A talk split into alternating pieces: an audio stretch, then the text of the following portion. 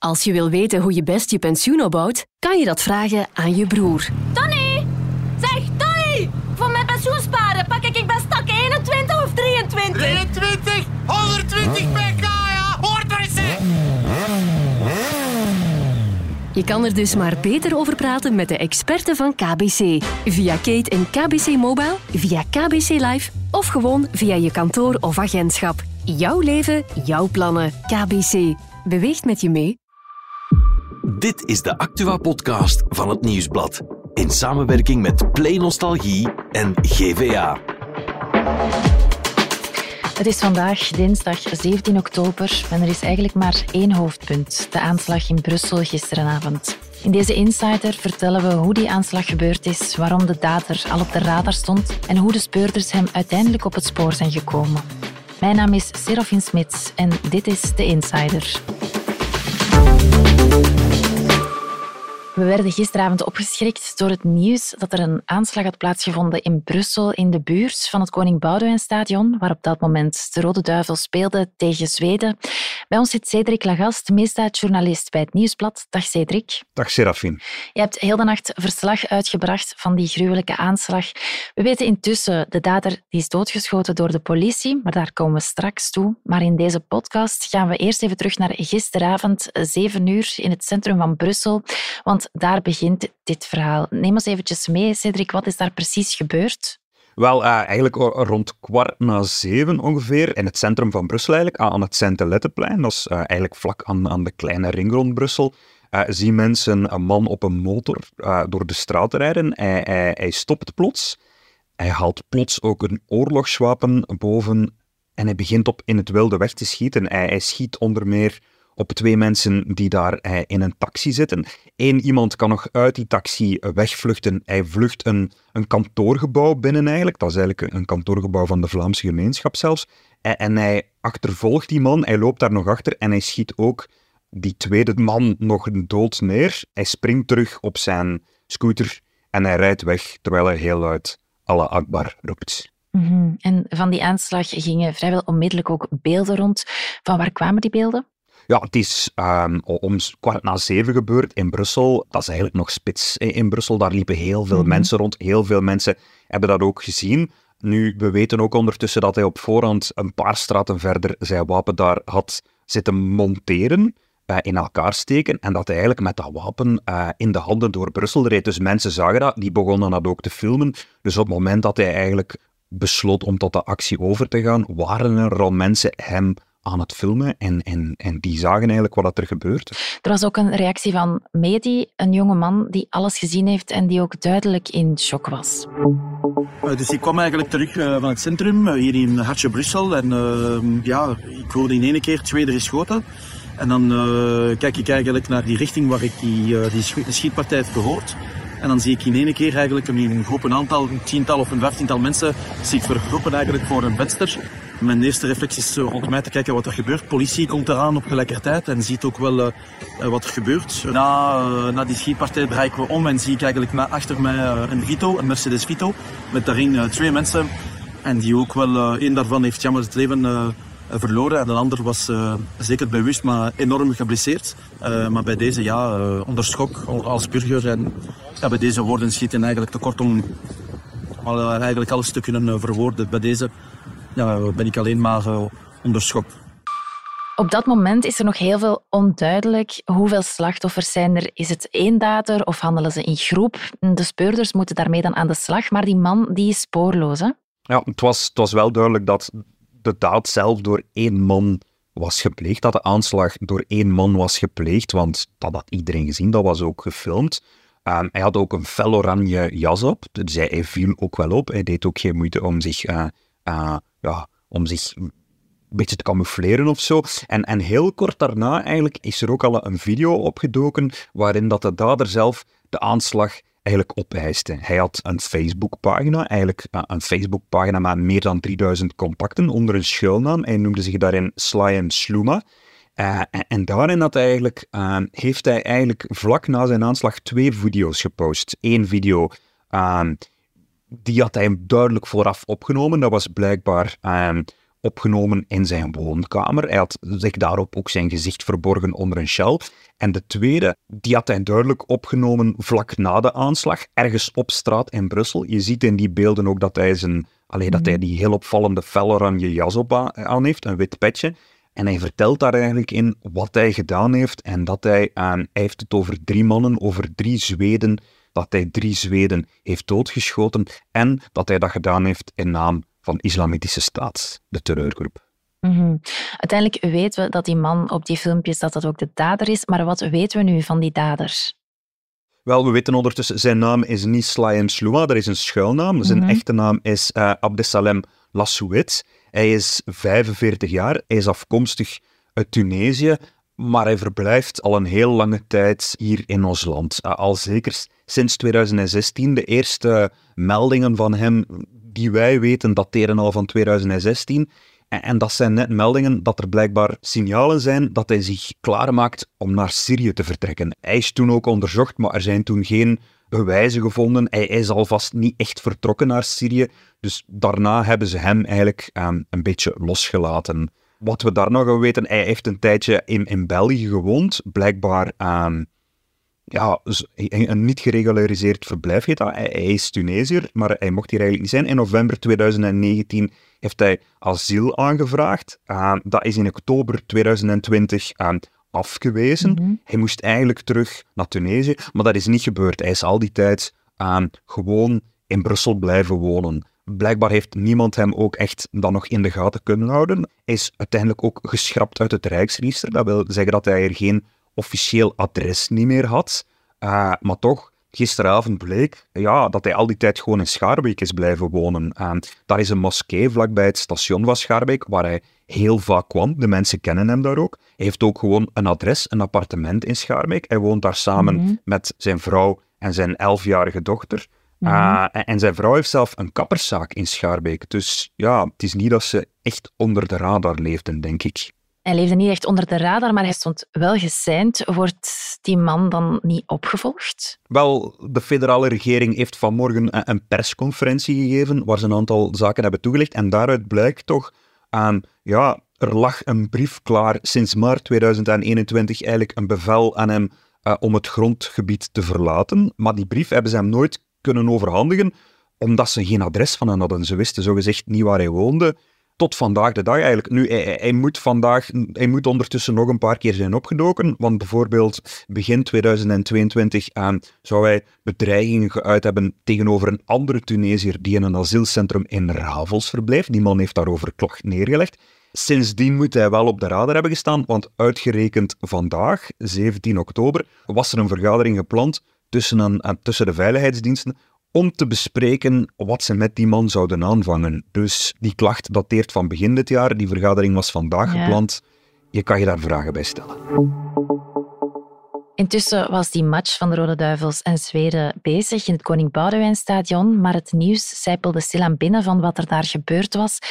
Thibaut Ranson, journalist bij het Nieuwsblad, die zat in het publiek en hij vertelde dit vanochtend aan onze collega's op Play Nostalgie. Um, ja, ik was daar inderdaad. Um, en ik moet zeggen, bij ons is dat nieuws binnengekomen uh, tijdens de rust. Dat was zo ongeveer de timing waarop dat nieuws uh, op alle nieuwssites uh, doorcijpelde en wij de tijd kregen op, op onze gsm te kijken.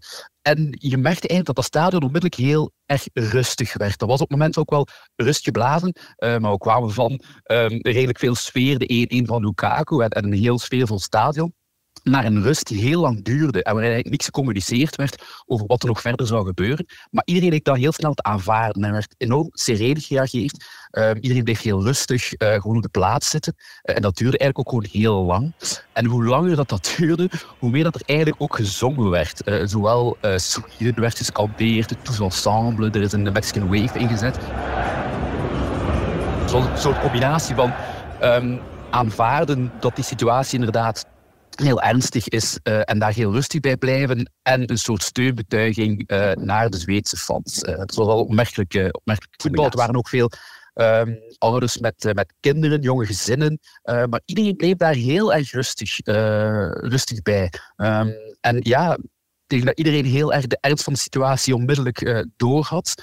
Um, en er werd uiteraard ook omgeroepen in het stadion. Um, en dat bleek iedereen ook wel te begrijpen van hier ben je wel het meest veilig.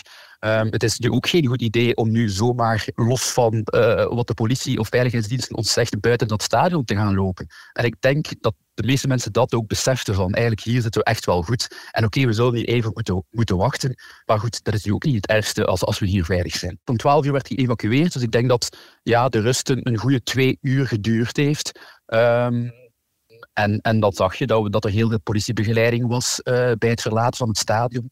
Uh, maar ook daar zijn er eigenlijk ja, geen incidenten geweest. En was er een serene, uh, rustige optocht van voetbalsupporters die het stadion verlieten.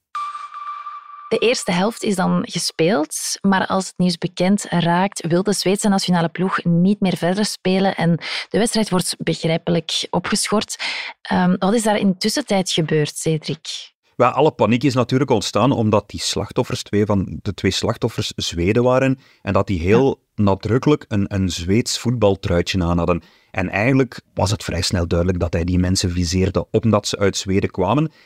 En de angst was eigenlijk een beetje dat hij daarna naar het voetbalstadion, naar het Koning Boudewijnstadion zou trekken, om daar mhm. eh, ja, verder te doen, om daar ook nog, nog meer Zweden neer te schieten. Dus daarom werd iedereen in het stadion gehouden. En je zag ook rond dat stadion, daar was uh, een enorme ontplooiing van de politie. Uh, je zag ook helikopters overvliegen. En verder in tussentijd was er eigenlijk in heel Brussel eigenlijk een, ja, een klopjacht zeg maar, hè, op de man met de oranje jas.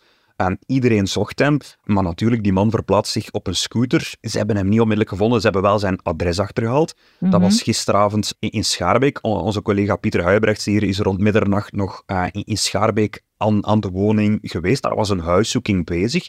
Ze hebben hem gezocht en ze hebben hem niet gevonden. Uh, hij, was niet, hij was niet thuis, hij was niet, niet aanwezig in zijn woning. Nu, hoe dat zou gegaan zijn, uh, blijkbaar zou zijn echtgenote, zijn vrouw, die zou na de aanslag ook die video hebben gezien. Die video waarin dat hij zijn aanslag opeist. En zij zou daarop uh, naar de politie zijn gegaan om te zeggen, ik heb mijn man herkend. Mm Ik wist hier niet van, maar bon, zij heeft wel meegewerkt aan dat onderzoek en daarop is de politie heeft de, zou de politie zijn adres ontdekt hebben uh, en, en, zouden ze die huiszoeking hebben uitgevoerd.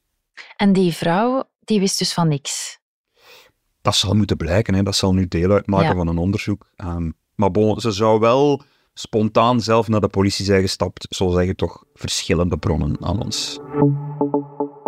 Je zei daarnet dat de aanslag gericht was tegen Zweden, dat die het doelwit waren. Maar waarom precies? Wat was het motief? Wel, aanvankelijk werd eigenlijk een beetje gevreesd dat, dat wat er gebeurd was, dat dat een, een uitloper was van, van wat nu in het Midden-Oosten gebeurt, in Israël en, en, en meer bepaald de Gazastrook. Want bijvoorbeeld in, in Frankrijk, ons buurland, daar hebben we eerder ook al zo'n incident gehad. Men vreesde een beetje dat het daarmee te maken had.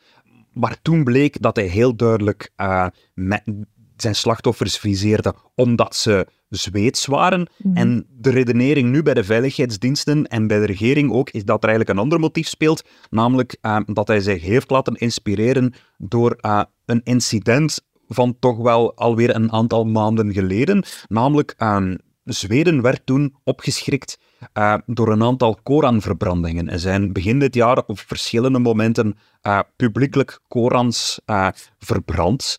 Mm en dat was een heel provocerende actie. Daar is heel boos op gereageerd door moslims in Zweden, maar eigenlijk door, door moslims wereldwijd. Daar zijn wereldwijd protesten opgevolgd. En in die mate ook dat er eh, in uh, geradicaliseerde middens ook opgeroepen werd om daar wraak voor te nemen. Want het verbranden van een Koran, dat zien moslims als een zeer provocerend iets.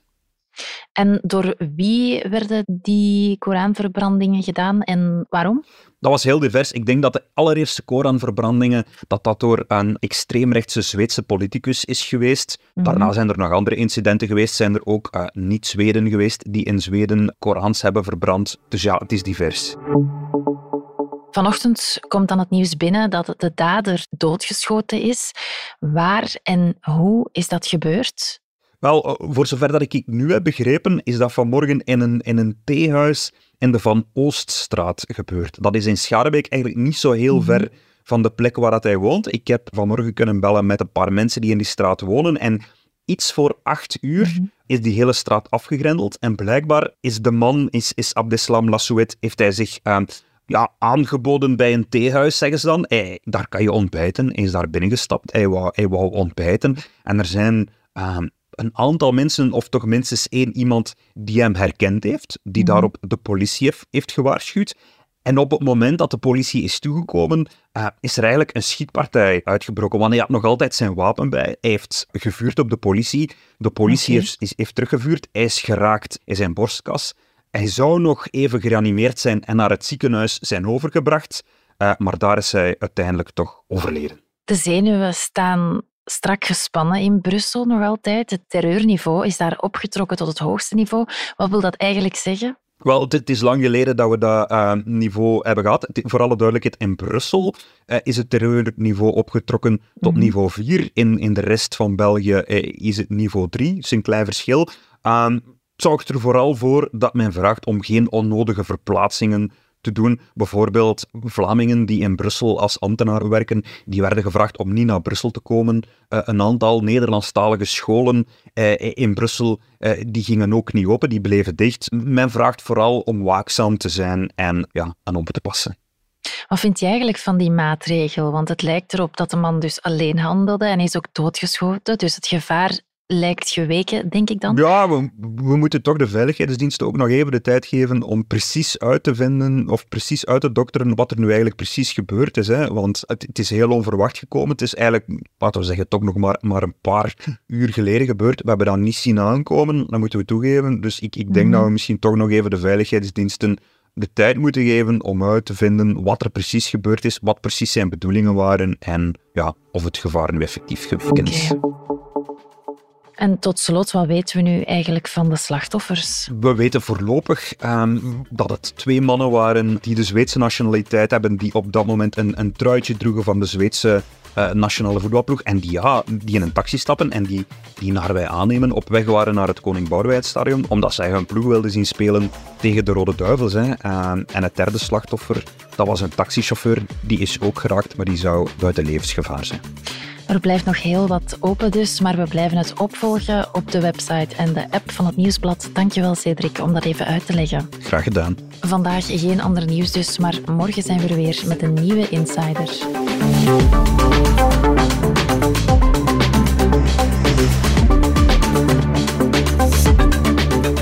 Dit was The Insider, een podcast van het Nieuwsblad in samenwerking met Play Nostalgie en GVA. De muziek is van Pieter Santens. De montage gebeurde door House of Media. Wil je reageren? Mail naar podcast.nieuwsblad.be.